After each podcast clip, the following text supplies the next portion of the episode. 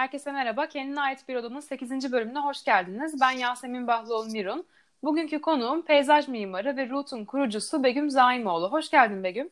Merhaba, hoş bulduk. Öncelikle seni senden tanıyalım. Ben direkt peyzaj mimarı ve Root'un kurucusu olarak bahsettim ama sen anlat bir de biraz kendini bize. Öncelikle teşekkür ederim Yasemin e, böyle bir şeyi teklif ettiğin için ve e, burada seninle bu sohbeti gerçekleştirdiğimiz için gerçekten memnunum. Çok sağ ol. Ben de teşekkür ederim. Ee, şöyle, e, ben e, evet peyzaj mimarıyım. Aynı zamanda kentsel tasarım uzmanıyım. Tabii bunlar aslında insanın e, hani ilk sorulduğunda ya da bir toplum içerisinde tanışılırken, tanışırken ilk söylediği şeyler mesleklerinden bahsediyorlar ama tabii ki de biz sadece bunlardan ibaret değiliz.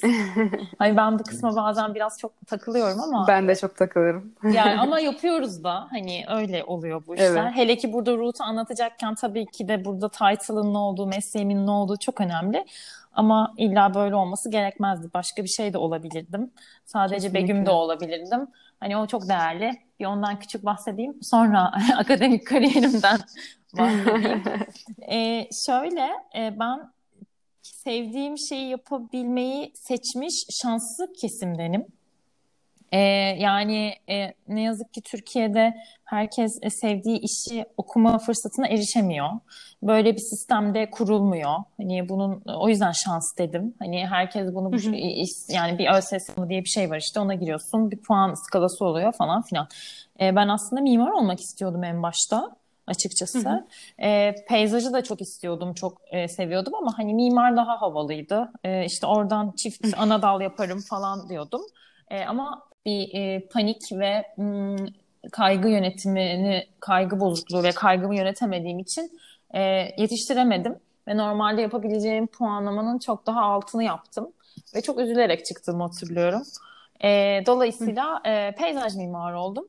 Ama iyi ki de öyle olmuş yani çünkü şöyle bunun hikayesi de ben peyzaj yani mimarlık ya da peyzaj mimarlığı okuyacaktım. Hı hı. O konuda spesifikleşmiştim ama o ne yazık ki bilmiyorum e, bilenler bilir bu ÖSS sınavına girişlerde falan hani ölü tercih yapılıyor işte önüne tercih yapıyorsun altına falan ama iki çevre mühendisi arasından peyzaj mimar oldum. O da babamın şeyidir hani çevre mühendisi ol falan demişti ki düşünemiyorum şu anda olduğumu. Yani gerçekten iyi ki olmamışım. Ama az kalsın oluyor olabilirdim yani aslında. O yüzden şanslıyım. Çok severek okudum. İstanbul Üniversitesi'nde okudum. Orman Fakültesi'nde. Böyle kocaman bir e, Sarıyer'deki botanik bahçesinin içerisinde okuduk biz. Bitki derslerimizde bahçeye çıkıp e, tadım yapardık. Tadım diyorum çünkü bitkilerin bazılarını çiğneyerek, tadına bakarak, e, bazısını koklayarak, beş duyumuzda olabildiğince aktivite ederek bunu e, yaşardık ve paylaşırdık ve bence de öyle olması gerekiyor. Bugün e, Root'la ilgili bazı e, e, karakter özelliklerinde de o da öğrendiğim bazı şeyleri kendime prensip edindim açıkçası. O yüzden bunu da çok değerli buluyorum. Bir hocamız vardı. İşte dendroloji dersinde mesela önce bitkileri yani sınava girebilmek için yazılı sınav vardı. Önce işte önüne bir kutudan 20 tane bitki seçiyorlardı. 18 tanesini tanıyamazsan zaten otomatikman yazılı sınava giremiyordun mesela. Hani e, öyle kurallarla falan geldik.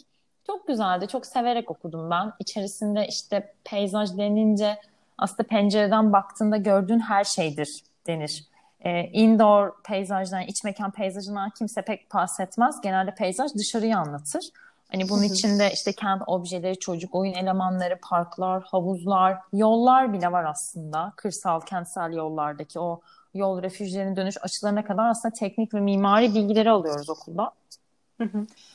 Ondan sonra e, lisanstan sonra bir Almanya'ya gittim. E, or, orası da benim için çok önemli. Hani mihenk taşı diyeyim. E, Bauhaus diye bir okula kabul edildim.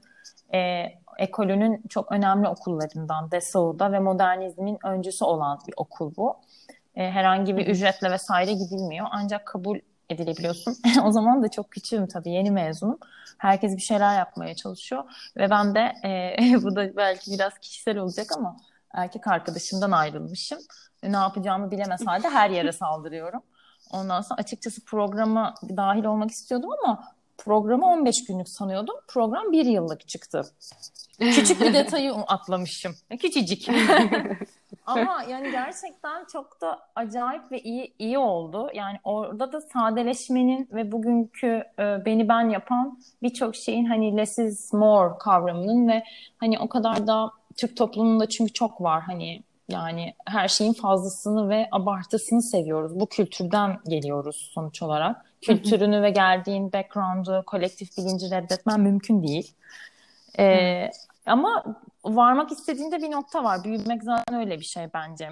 Annenden, babandan, atalarından aldığın şeyleri ara ara avucunun içine açıp bakıyorsun. Aa bunlar güzelmiş, bunlar bana faydalı. Ya da bunlar bana faydalı değil, bunları değiştirmek istiyorum. Acaba nasıl, daha nasıl iyileştirebilirim diye bakıyorsun ve tüm gücünü onları değiştirmek için emek sarf ediyorsun.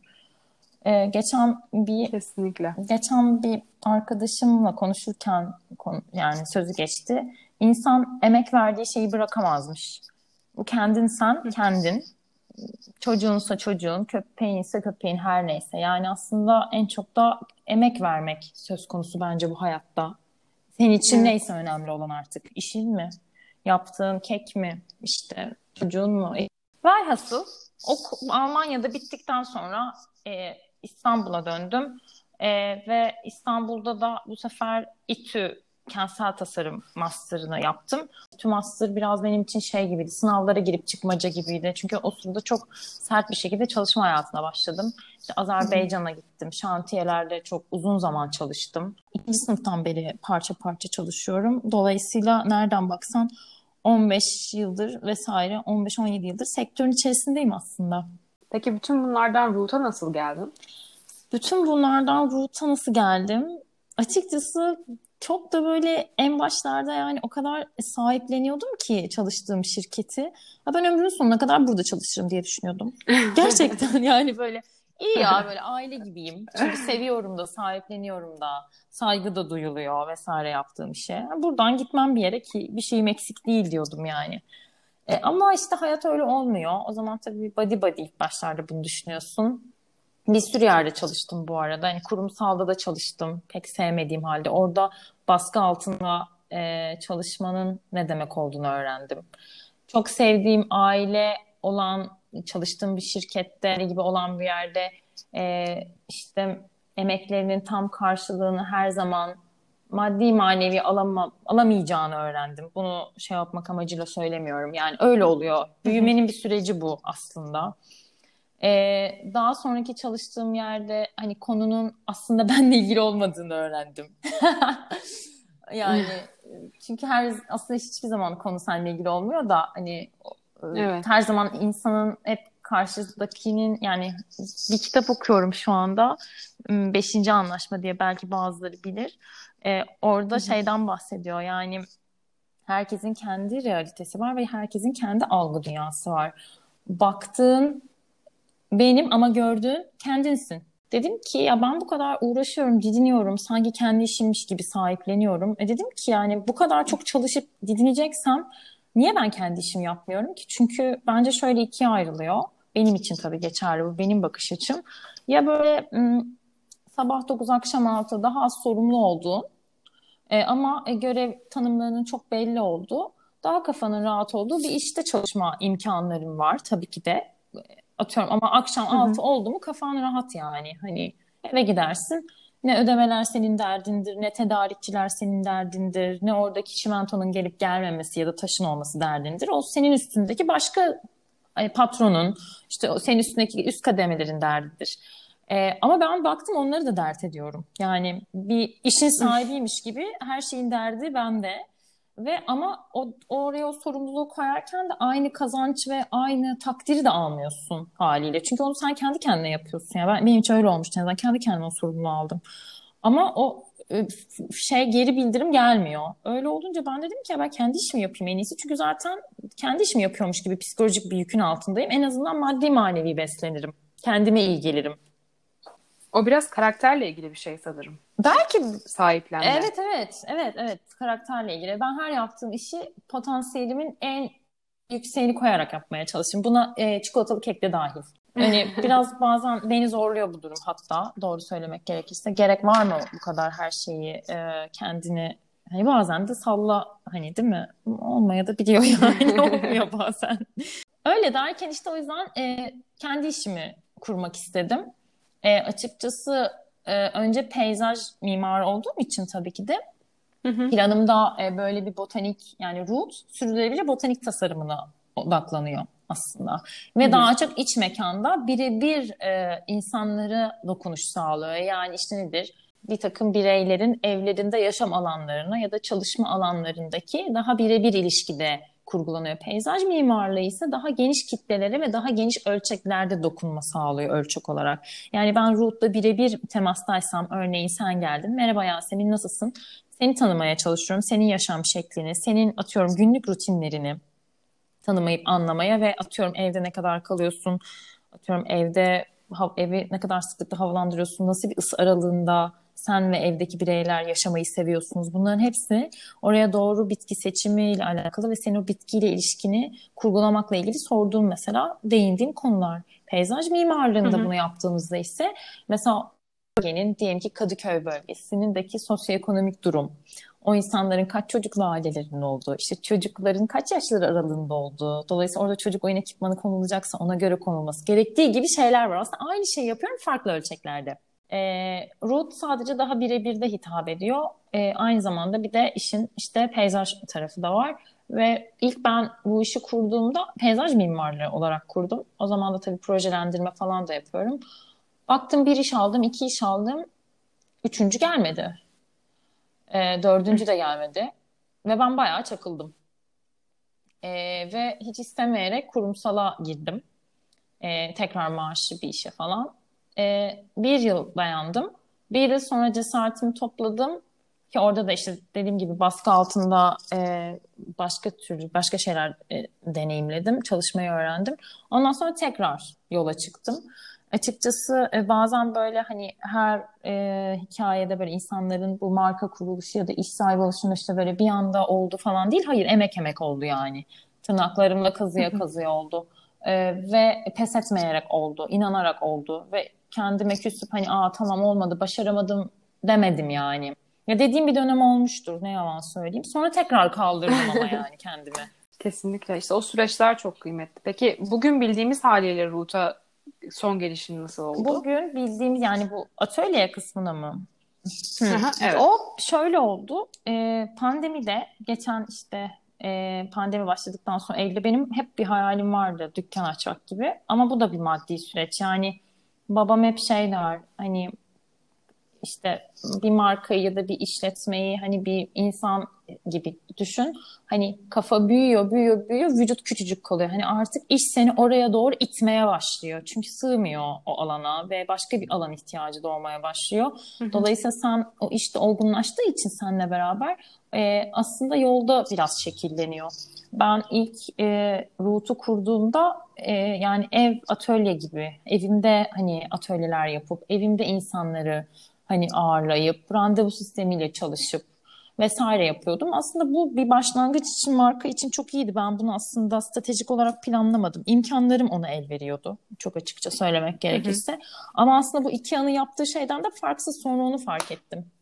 Yani şöyle iki aya gidiyorsunuz mesela işte çok güzel objeleri, koltukları görüyorsunuz. Ama onları nasıl konumlandırmanız gerektiğini, nasıl yerleştirmeniz gerektiğini bir türlü kafanızda hayal edemiyorsunuz. Zaten tasarımcıların yaptığı şey budur. Sizin yerine ihtiyaçlarınızı alıp filtreden geçirip hayallerinizi önünüze e, etten kemikten hale getirmektir.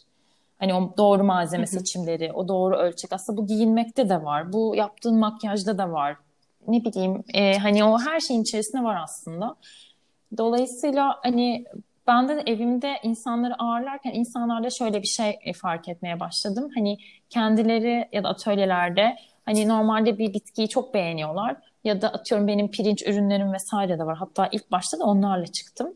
Ee, hala Hı-hı. da varlar zaten. Onlar benim minik bebeklerim. Çok seviyorum hatta onları.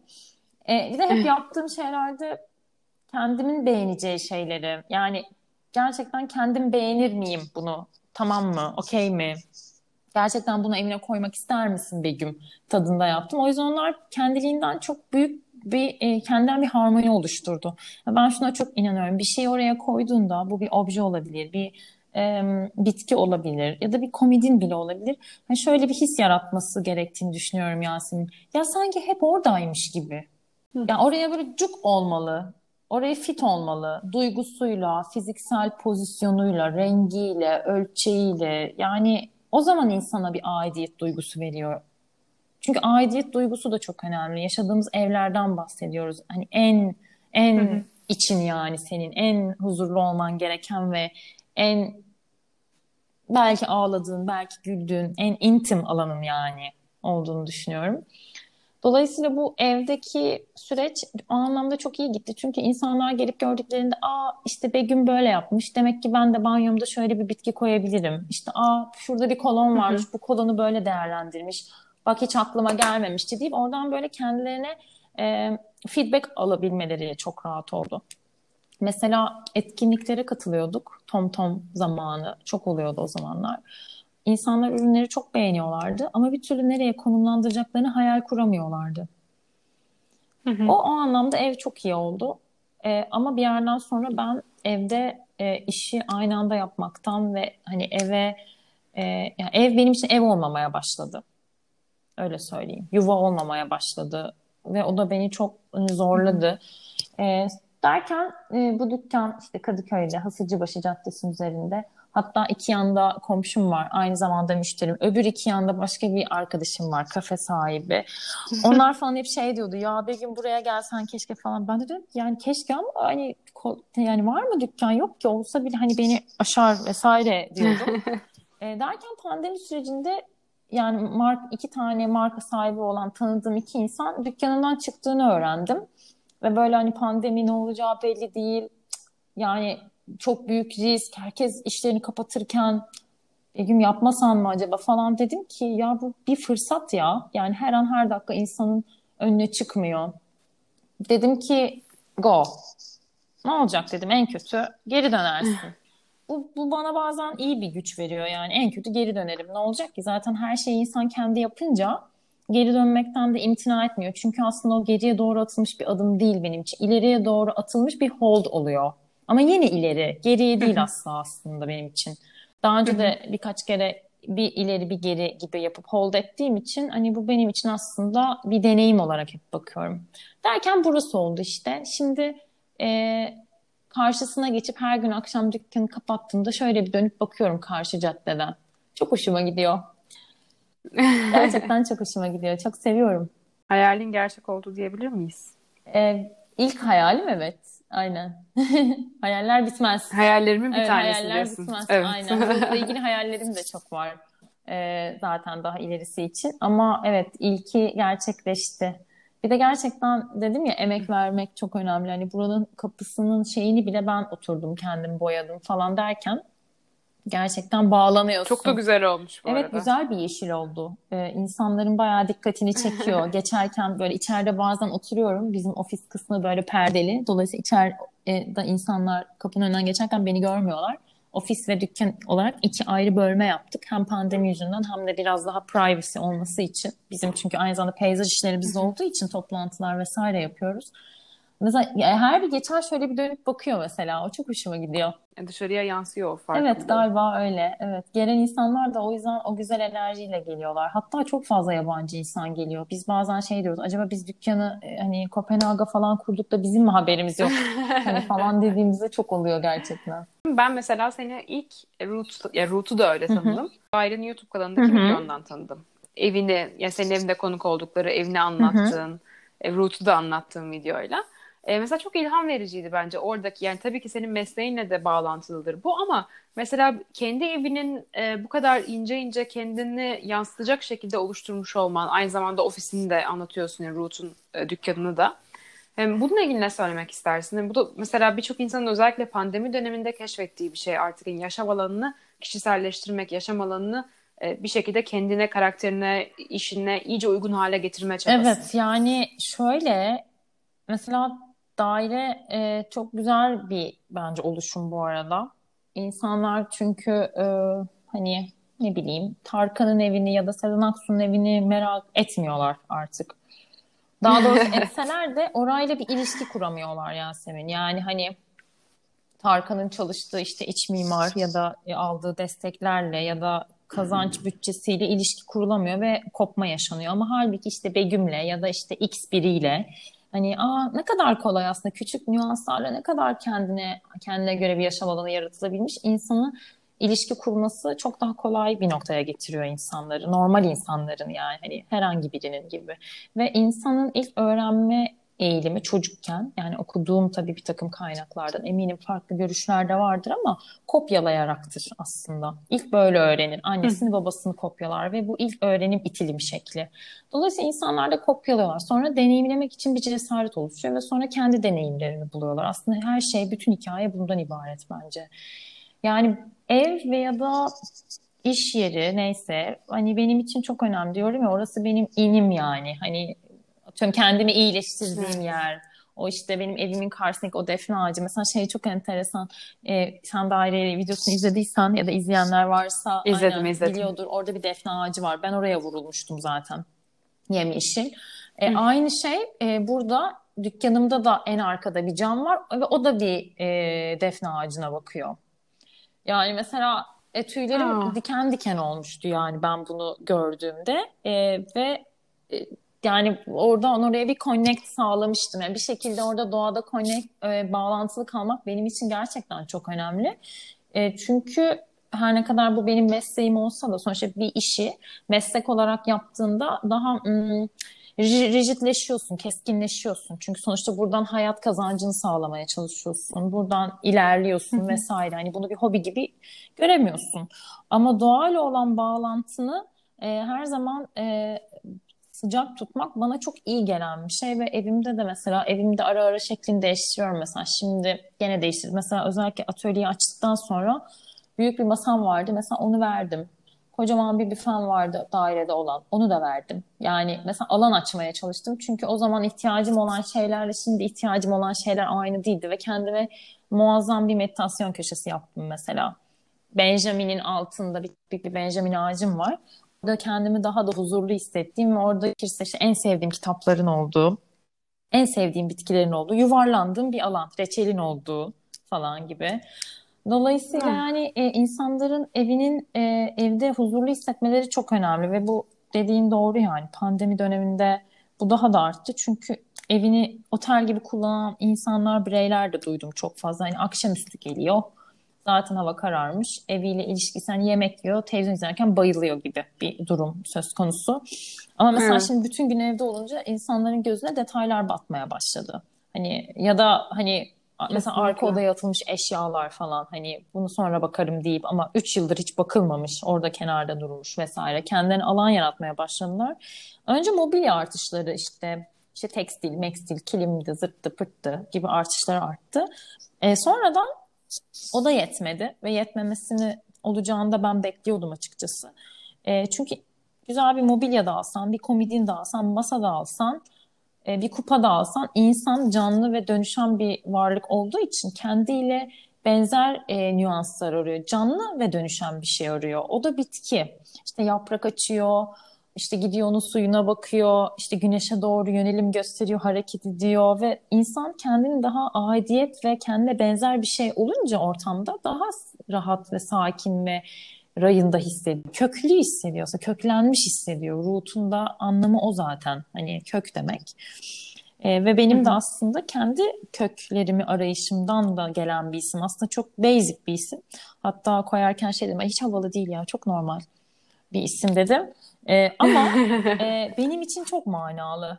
Ya ben, önemli olan da benim için manalı olması zaten. Çünkü bu bir startup projesi değil. E, o, bunlara da çok saygı duyuyorum. Yanlış anlaşılma olmasın. Böyle bir sürü e, markayı Hı-hı. takip ediyorum ve bence çok e, doğru ve başarılı şeyler.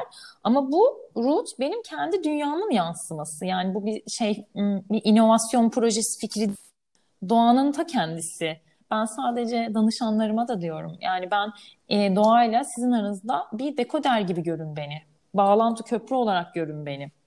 Ben sizin yapamayacağınız hiçbir şey yapmıyorum aslında ya da benim anlattığım işte bu workshoplarda, atölyelerde bilgiler hiçbirinizin ulaşamayacağı sonsuz bir bilgi değil aslında biraz araştırılsa öğrenirse. Yani ben okulda öğrendiğim ileri teknik bilgileri tabii ki de paylaşmıyorum çünkü gerek yok. Ben daha çok hayata dair, ilişki kurabilmelerine dair ufak e, şeyleri anlatıyorum. İşte su, toprak karışımı, e, havanın nemi, hangi bitkinin neye olan ihtiyacı. Yani bitkilerin dilini anlatıyorum aslında insanlar arasında. Ama aslında çok da e, emek sarf eden ve uğraşan bu bilgilerin hepsini bulabilir. Peki bu süreçte sence bitkilere olan Bence arttı, arttı mı? Yani arttı Pandemide. evet tabii ki arttı. İnsanlar diyorum ya evde bir canlı olmasının ve onunla ilişki kurmanın eksikliğini çok fazla e, yaşıyorlar. Mesela boşanmalar da artmış. Geçen okudum. Yani hani evde düşünsene hiç mutlu olmadığın bir bireyle yaşadığını normalde sadece günde iki saat görüyorsun akşamüstü belki.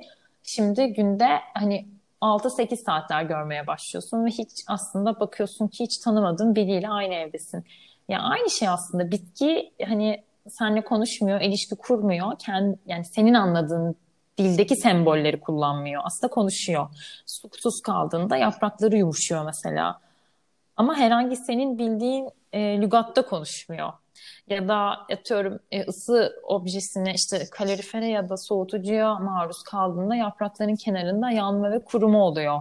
Aslında o da bir konuşma. Yani bunların hepsi insana e, iyi geliyor ilişki kurmak için. Bir de ben hep şey diyorum danışanlarıma. E, yani bitkiyle kurduğunuz ilişki kendinizle kurduğunuz ilişkiye aynadır. Kimisi var aşırı e, suluyor bitkileri ve kökleri işte genelde çürüyor vesaire. Bana işte geliyorlar diyorlar ki işte bitkilerim öldü. Ben diyorum ki tam nasıl öldü? Kimisi tam olarak nasıl öldüğünden bile bir haber. Yani bilmem öldü falan diyor. e, kimisi de mesela bir tık daha farkındalığı yüksek. Şey diyorlar işte yaprak e, kökü çürüdü, kokuyordu işte sinek vardı mesela diyor. Bunların hepsi bir e, bir şey söylüyor aslında. E, ve ben de şey diyorum bazen tabii ki de o o, o anki ilişkiye bağlı. Herkese bu şekilde iletişim kurulamıyor ama o anki sıcaklığa ve o anki yaklaşıma bağlı. Hayatınıza çok verici misinizdir diyorum bazen bam diye. E, çünkü Heh. anladın mı? Bitkiye de çok su veriyor. Belki kendi de çok atıyorum insanlara çok verici davranıyor ve aslında bazen çok veriyor olmak da iyi gelmiyor ve aslında o da bir ayna. Evet. Bilmiyorum çok mu derin oldu bu sohbetler? Hayır hayır aksine ben de kendimi düşünüyordum. ben nasıl davranıyorum diye. Ben de bitkilerime nasıl dürüstçe söyleyeyim. Bitkilerime e, ya e, çok utanarak söylüyorum bunu ama ya çok ihmalkar davranıyorum ya da e, bir işte bir tane aletim var. Hatta daha önce bir podcast bölümünde de bahsetmiştim bir başka bir arkadaşımla konuşurken. Nem ee, ölçer. O aleti koyuyorum. Böyle Hı-hı. su filan ölçüyor, nem ölçüyor. Yani ya onu kullanıyorum, bakıyorum ve ona göre işte suyunu falan yaptım. Ya böyle çok ilgilendiğim e, bir dönem oluyor ya da çok ihmalkar davranıyorum. Yani ikisi böyle bir süreç. Hayatında da böyle misindir? Vallahi bilmiyorum. Onu da çözmeye Aynen. çalışıyorum ya hep bir yandan. hiççilik olabiliyor bazen ya. Evet. Evet. Yani kesinlikle açıkçası bir bağlantı bence de var ve biraz e, evet, sert evet. de olsa bir ayna. Yani hayattaki her şey evet, ha, evet. aynı zaten. Aynen öyle. Göğsünde yumuşatıp onu e, aynen dönüştürebilip dengeye getirebilirsen dönüşüyorsun. Yoksa zaten dönüşemediğin yerde de hayat sana sert sert onu başka yerlerden, bazen bitkiden, bazen başka bir şeyden önüne koyuyor. Evet. Böyle yani evet bitkilerim daha çok ilgileneceğim. Eminim öyle olur.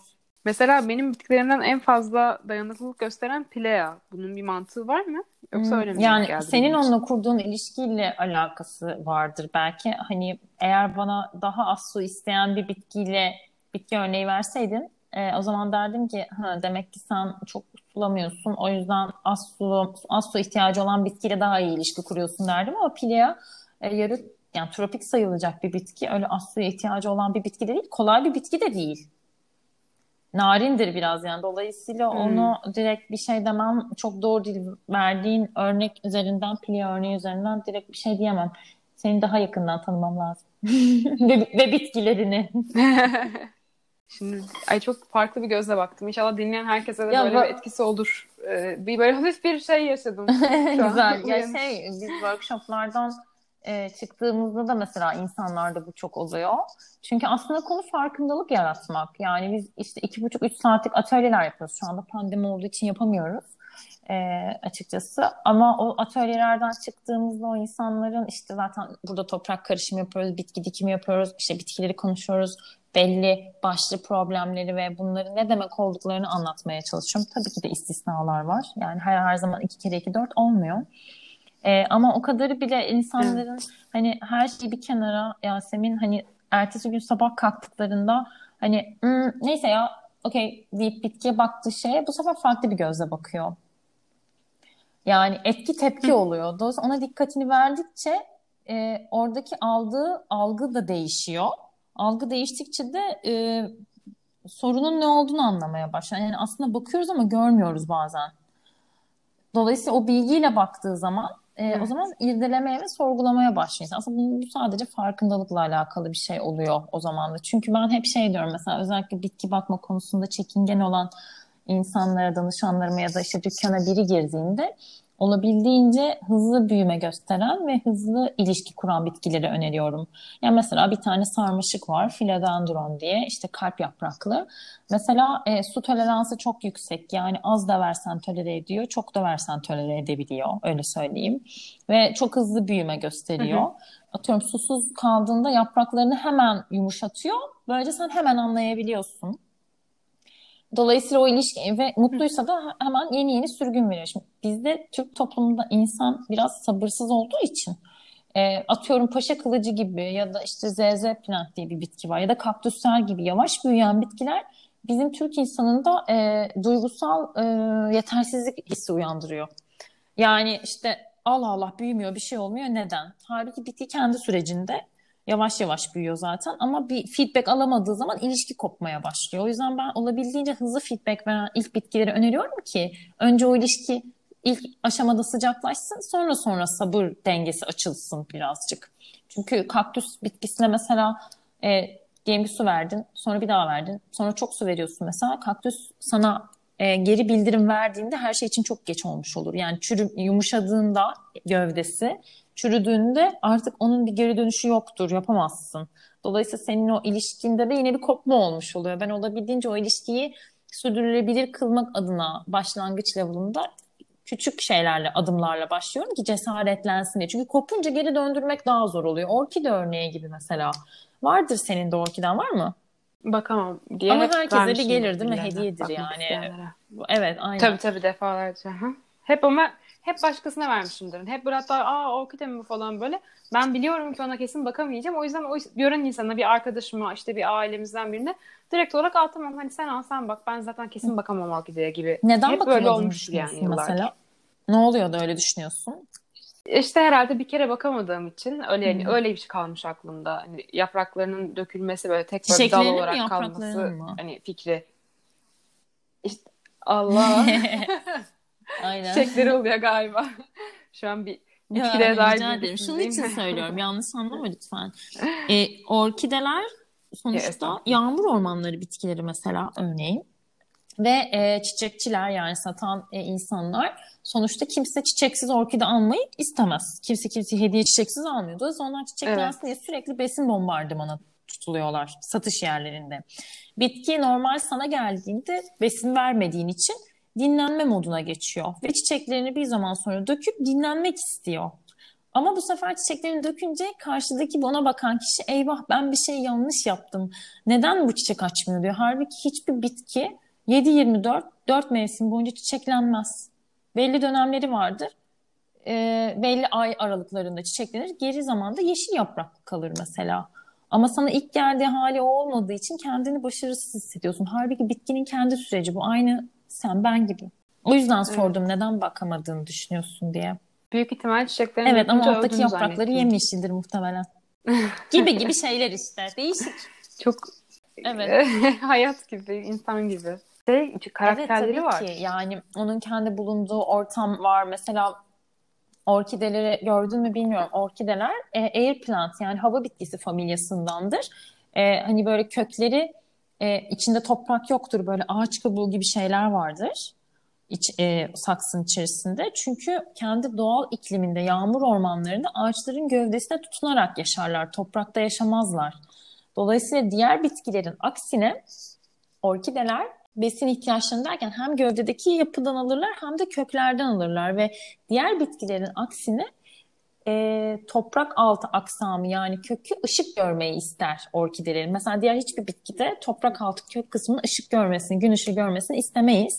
Ama orkidelerde durum aynı şey değildir. Havada asılı kalan bitkiler oldukları için onların kökleri ışık görmek ister. O yüzden dikkat ettin mi hiç bilmiyorum bazı insanların orkidelerinde kökler böyle dışarı doğru çıkmak isterler, güneşe doğru. Bunlar ne kadar çok şey söylüyor. Ee, yani sen bunları anlattıkça tabii ki bunlar hepsi çok değerli bilgiler hani doğaya dair ama benim aklımda ister istemez böyle sanki hani bu her bitkinin bir insan oluşu, doğanın hani hayatın bizim bildiğimiz haliyle bir parçası oluşu ve buradan aslında bir insanın hayata dair ne kadar çok ders Evet gerçekten öyle. Gerçekten öyle. O yüzden diyorum ya bitkilerle olan ilişkin kendinle olan ilişkine aynı oluyor aslında.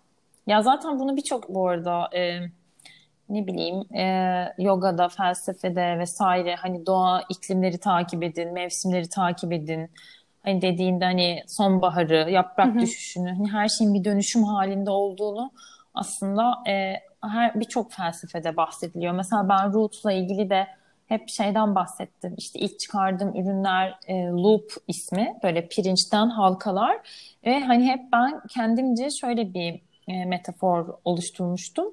E, hayat bir değişim ve dönüşüm her şey değişip dönüşebilir. Ama benim toprak altı kısmım yani köklerim sağlam kalırsa e, ben kopmam ve köklerimden tutunurum toprağa ama dönüşüme de olabildiğince yumuşak geçişlerle ayak uydururum da aslında benim. Bana iyi gelen kısmı bu yani root'un. Çok acayip böyle düşününce tabii ki. Senin bitkilerle ilişkin ilk nasıl Benim başladı bitkilerle peki? ilişkim e, aslında ilk yani şöyle tabii ki de mesleğin içerisinde olduğum için e, üniversite birden itibaren başladı. Bizim evimizde öyle pek bitki falan yoktu. Annemin baktığı falan öyle bir bitkimiz yoktu açıkçası. Anneannemin çok, anneannem bayağı yeşil eldir bu arada. Hani verirsin hani şey olur ya böyle çimlendirir, büyütür vesaire öyledir. Anneannem öyle ama annemde yok. Zaten jenerasyonların bazılarında kopukluk oluyor genelde. Bunu ben danışanlarımda da çok dinliyorum. Var mı diyorum ailenizde yeşil biri? Ee, ya annem diyor ya anneannem diyor ama genelde bir atlamalı gidiyor. Yani eğer biri çok düşkünse öbürü hiç düşkün olmuyor gibi böyle bir kopma var. Henüz tam istatistik olarak hakim değilim ama gözlemlediğim bu şekilde gidiyor şu anda. Ee, şey yani bir üniversitede tabii ki de bitkilerle ilişkim otomatikman başladı. Ama ilk şöyle bir uyanışım oldu.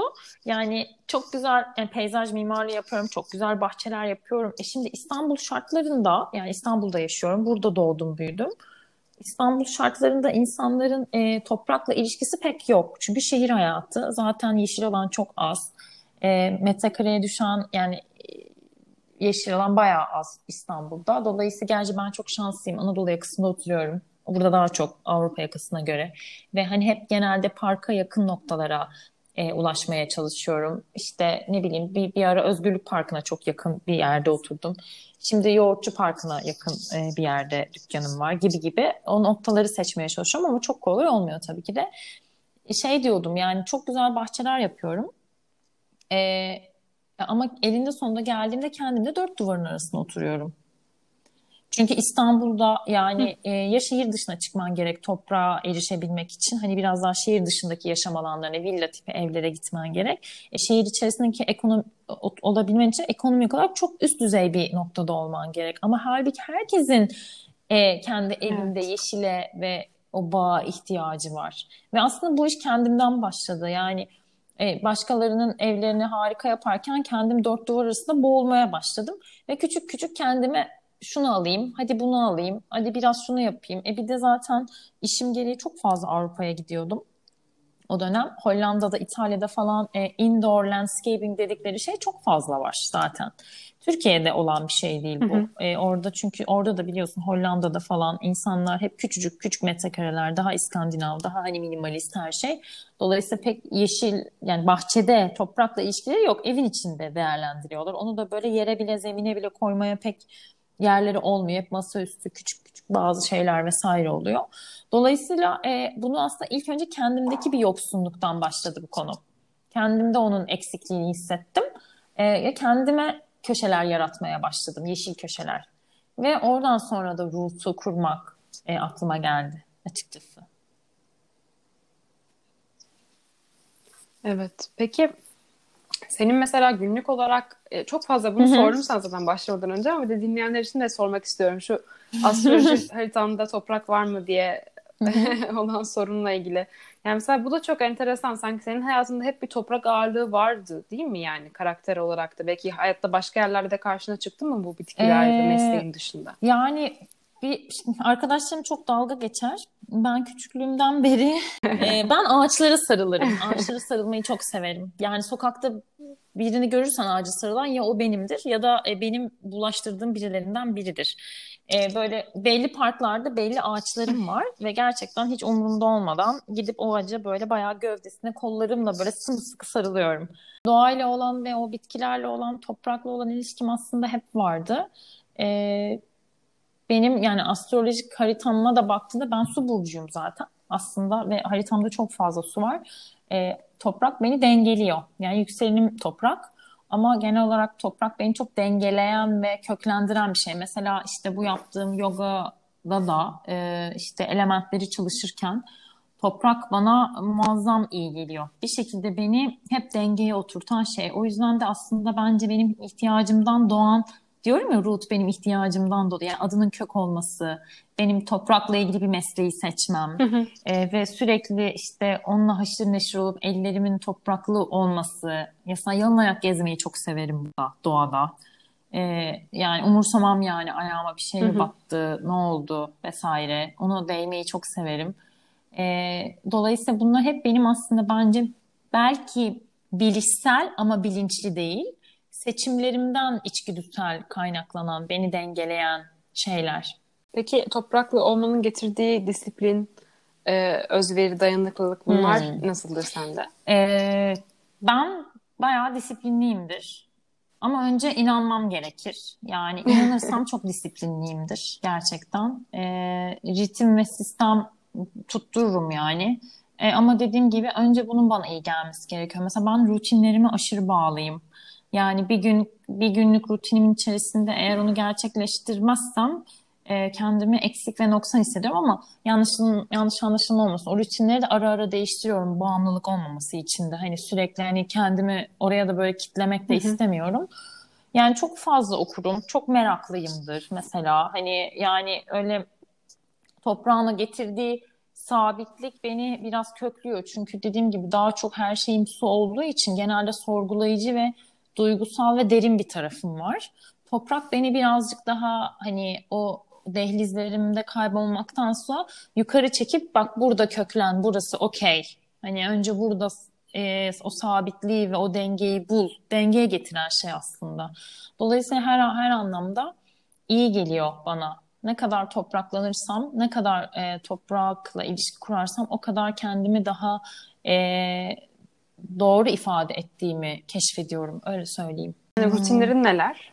Rutinlerim sabah kalkınca e, limonlu ya da elma sirkeli su bir rutinim. Hani vücuduma her şeyden önce onu almak bir rutinim. E, mutlaka e, meditasyon rutinim. Yani son iki buçuk üç yıldır bunu oturtmam çok uzun bir zaman aldı ama e, yani sadece oturuyorum. Sabah çok erken kalkıyorum yedi gibi.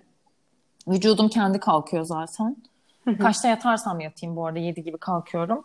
Ama genelde de çok da öyle ekstrem geç yatmıyorum eğer bir şey yoksa. Kalktığım zaman o kimse daha uyanmamışken hani insanlar o telefon karmaş olmadan önceki o güne hazırlanırken ki yalnız kalmak, her şeyi gözden geçirmek, hani kendi içime bakmak falan bana çok iyi geliyor. Hani meditasyon illa böyle oturup nefes al nefes ver gibi de değil. Bazen sadece oturuyorum tavana baktığım da oluyor. Ee, o, o alanı zaten kendimi ayırmak o benim bir rutinim. Reçelle yürüyüş yapmak benim bir rutinim. Köpeğim. Onunla kurduğum bağ benim için çok özel. Ee, sonra zaten yoga çok fazla hayatımda var. Spor çok fazla var. Mesela özellikle spor yani sporda da yani 15 dakikalık bile olsa bir kardiyo yapmak. Ya çünkü e, fiziksel görüntü de önemli benim için tabii ki de. Ama onun dışında kendimi o zinde hissetmek, o hani güne hazırlanırken o şey ateşi yakmak içerideki hani o çünkü o gün o gün içerisinde ona çok ihtiyacım olacak o koşturmaca içerisinde. O spor yani her gün sabah şöyle söyleyeyim bir bir buçuk saat kesintisiz bunları yaptığım bir e, süre var. Başka hiçbir şey yapmıyorum. Bazen dans ekleyebiliyorum. Dans etmeyi çok seviyorum. Kendine ait e, oda diyecek olursak bu senin için root mu olur? Yani senin nihai olarak kendini ifade ettiğin, evet, kendine tam dünyada olarak açtığın o gerçekten. bir alan. Burası var benim adına. odam ve dünyam. Buradan bakıyorum dünyaya öyle diyeyim. O, o odanın penceresinden bakıyorum. Buradan aldığım güçle. Evet çok güzel oldu. Evet aynen öyle. Yani kendine de aynı zamanda bir alan açmış oluyorsun Ruth'u Evet. dünyaya getirerek. Evet, Yani Begüm'e aynen. de bir alan e, açmış Ruth oluyorsun hem aslında. Begüm'e iyi geliyor, Begüm Ruth'a iyi geliyor. E, buradan sonra da diğer insanlara e, iyi gelmesini ümit ederek e, bir şeyler yapmaya çalışıyorum. Bir de ben hep şey diyorum, o da benim bir mottom. Benim kendime ait bir doğam var. Hani biz doğanın bir bütünüyüz ama aynı zamanda benim kendime Evet. ait bir doğam var ve orada her şey rayında bir bütünlük içerisinde kendi mükemmellik şeklinde akışta devam ediyor her ne olursa olsun. Bunu bilmek ve buna sırtımı yaslamak bu gerçeğe, kendi gerçekliğime tabii bu benim kendi gerçekliğim ve yaslamak bana çok iyi ve güçlü hissettiriyor.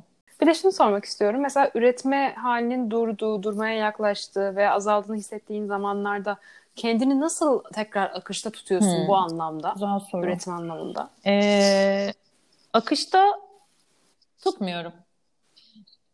Yani e, yanlış anlaşılma olmasın. E, şey değilim hani tuzum kuru değil. Ben burayı kendi başıma kurdum ve kendim ayakta tutuyorum. Hani böyle hani kafam rahat ya da böyle ekonomik olarak e, çok o anlamda rahat değilim. E, dolayısıyla bu çarkın dönmesi için Hı emek sarf etmem gerekiyor. Durduğum zamanlarda e, orada durmama sebep olacak şeyin yani bazen de e, bırak izin vermeye çalışıyorum. Çünkü o durmak bende çok e, olmuyor. Yani çarkı döndürecek, yani şöyle söyleyeyim, çarkı döndürecek ya da normal düzende giden şeyleri durdurmuyorum. Çünkü o zaman hayatta kalamam, survive edemem. Ama o dediğin gibi yaratım ve üretim sürecinin durduğu çok oluyor. Mesela burayı ilk açtığımda çok aktifti o. Sonra bir anda durdu. Bu ara durdu mesela. Gerçekten şu pirinçleri yani 4 aydır falan danışanlarım, müşterilerim soruyor ve ben hala harekete geçemiyordum. Ta ki bir 10 gün önce artık tamam dedim. Hiçbir şey yapmayacaksın, bunu yapacaksın. Ya o zamanlarda kendim bazen bir şeylere yani 4 ay durdum evet. Durdum, durdum, durdum, bıraktım. Baktım duruyorum yani hiç harekete geçen yok. Benim yerime geçecek bir şey de olmadığına göre. Bu sefer kendimi zorladım ve mesela Evet. diğer başka önceliklerimi normalde yapmam gereken geri plana alıp kendime bir önüme havuç koyuyorum. Mesela işte ödül gibi diyeyim. Hani Begüm eğer atıyorum bunu bunu yapmak istiyorsan önce bunu yaparsan ancak bunu elde edebilirsin gibi kendime kendi içimde ödüller koymaya çalışıyorum. O zaman onu yapıyorum. Bu arada o tıkandığım yerlerde de dediğim gibi niye tıkandığımı bazen buluyorum, bazen de bulamıyorum. Yani direnç gösteriyor bazen e, vücudum ve e, zihnim bunu yapmaya. O zamanlarda biraz izin veriyorum. Eğer bu durum çok uzarsa da e, kendimi zorluyorum. Zaten o ilk adımı attıktan sonra e, gerisi geliyor. E, sadece dediğim gibi biz hep şey deriz arkadaşlarla yani bu markayı kurma sürecinden sonra bir sürü farklı sektörden ama e, benzer sorumluluk bilincine sahip arkadaşlarım oldu. Yani onların da kendi markaları var. Onlar da bir şeyler yapmaya çalışıyorlar ve inan ki böyle kocaman bir aile gibiyiz. Hani çünkü e, yalnızsın baktığında. E, yani böyle bir ekibin yok, bir şey yok. Hani ben hep all in one package diyorum. Hani sosyal medyayı da ben yapıyorum. Üretimi de ben yapıyorum. E, lojistiği de ben yapıyorum. Müşteriyi de ben karşılıyorum. Hani sanmayın ki bir hani ekip var arkada ve hani paketlemeyi her şeyi ben yapıyorum. Yani görüp görebileceğiniz bu bu kadar. Hani belki bir gün evet bir şeye dönüşür ve bir şey olur. Olmasını ister miyim? Onu da bilmiyorum. O noktaya gelince bakarız ona.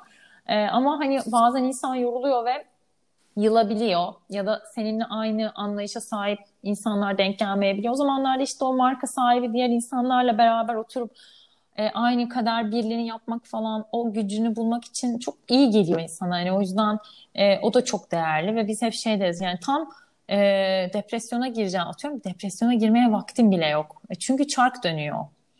Yani herkesin işte kayda başlamadan önce sana da söyledim ya herkesin pazartesi sendromu vardır. Benim pazar günü sendromum var mesela. Çünkü acaba bu hafta neyi nasıl kurgulayacağız? Neyi? Çünkü pazartesi çok geç bir saat benim için.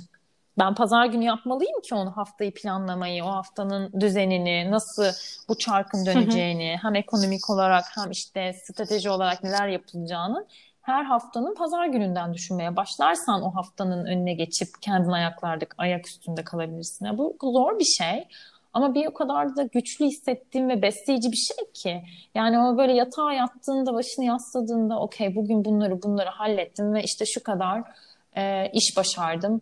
E, işte atıyorum bugün elektrik faturasını yatırdım demek gerçekten dünyaya bedel olabiliyor bazen. Çok küçük bir şey ama gerçekten iyi hissettiriyor.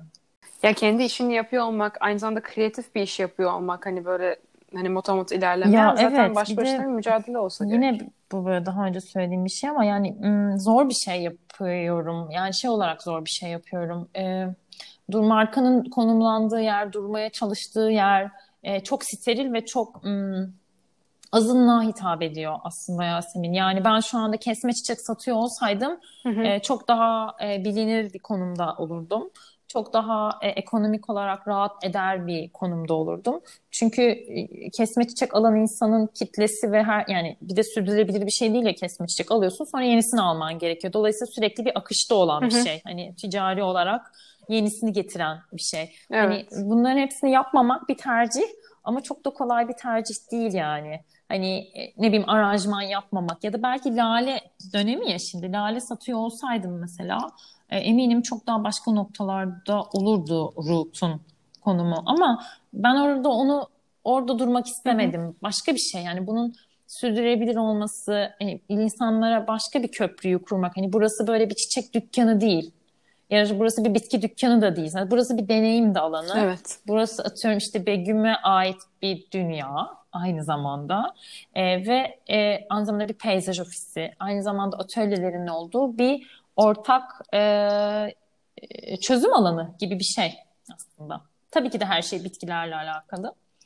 E, ama hani böyle al git gibi bir şey değil. Zaten insanlar da o yüzden benimle benim anladığım ilişki kurmayı seviyorlar. Çünkü herhangi bir atıyorum çiçekçiden bir bitki aldığında sonra dönüp ona şu şunu soramıyorsun. Ya bunun yaprağı şöyle oldu acaba ne yapmalıyım? İnsanlar bana bunu sorabildikleri zaman kendilerini iyi hissediyorlar. Çünkü yalnız olmadıklarını biliyorlar. Onlar o bitkiyle kendi aralarındaki ilişkiyi kurana kadar ben onlara yardımcı oluyorum. Zaten sonra kendileri kuruyorlar o ilişkiyi. E, bitki bakımını çok iyi bilmeyen, çok hakim olmayan birine hmm. üç tane bitki önerecek olsam bunları alın kolay ee, Şimdi ilk söylediğim konuşurken de anlattım sarmaşık olabilir. Filodendron, kalp yapraklı sarmaşık. Bu sizi çok mutlu eder, Hı-hı. hızlı büyür, su toleransı çok yüksektir. Hani su toleransı derken az su ve çok suyu toleransı yüksektir. Bir de e, az ışıkla da çok idare edebilir. Ama tabii az ışığın neler olduğunu buradan anlatmak çok kolay değil. Bunları atölyelerde konuşuyoruz. Hani çünkü o da çok algısal bir şey. Kime göre az ışık ne demek vesaire gibi. O olabilir. Ee, ZZ plant diye bir bitki var. Zammia. O olabilir. O da böyle daha e, etli yapraklı bir bitki. Etli yapraklı olduğu için su toleransı çok e, fazla. Yani 20-30 günlerde bir sulana, sulanması gerekiyor. Dolayısıyla çok bakıma ihtiyacı olmayan, Yine kolay bakımı olabilecek keza bir bitki. Bir de e, deve tabanı e, bence çok kolay bir bitki. E, ve herkesin Evet Monstera, hmm. Monstera. Evet, Mon- Monstera. Monstera değil. Hani herkesin ha, evlerinde, annesinde bildiği de bir e, bitki. Hani ilişki kurmak açısından herkesin annesinin evinde falan var. Şimdi pek bir moda gerçi. Ama eskiden de modaydı yani. Dolayısıyla bence evet. Monstera da çok kolay bir bitki. Çünkü İstanbul şartlarında evler birbirine çok yakın olduğu için evlerde çok harika güneş alan ev pek yok açıkçası üst katlar olmadığı sürece. Genelde e, biraz az ışık alan evler var. Dolayısıyla monsteralarda az ışık ve idare eden ve geniş yapraklarıyla da hani orada varlığını e, size belli edecek bir bitki. Sadece küçük bir önerim olabilir. İlk defa bitki bakacak insanlara. Bitkinizi e, nerede sürekli en çok vakit geçiriyorsanız o orada oturduğunuzda gözünüzün görebileceği yakınlıkta bir mesafede olsun.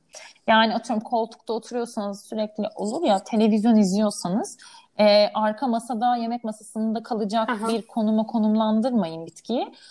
E, televizyonun yanındaki sehpayı yani gözünüzün ucunda hep gözünüzün önünde olsun. Bu bir alışkanlıktır. Alışkanlık kazanmaktır. Ya da kitap okuyorsanız en çok kitap köşenizde vakit geçiyorsunuz. Kitap köşenizin yanında olsun. Ki ister istemez e, o alışkanlığınızın içerisinde bir yer edinsin o bitkide. Ona da bir bakın her gün. Bir iki dakika bile olsa. Ne yapıyor? Yaprağı ne durumda? Bakayım Kesinlikle. kurumuş mu? Aa, yaprağının kenarında işte bir şey mi var? Falan gibi gibi. Rica ederim. Kesinlikle. Çok teşekkür ederim. Rica benim. ederim. Geldiğin için, anlattıkların için, paylaştıkların için. Umarım. Ben Ee, umarım teşekkür çok ederim. kişiye ilham çağırdığın olacak için. bu sohbet. Çok güzel oldu. Evet, çok sevindim ben de. Dinleyenlere de çok teşekkür ederiz. Bir sonraki bölümde görüşmek üzere.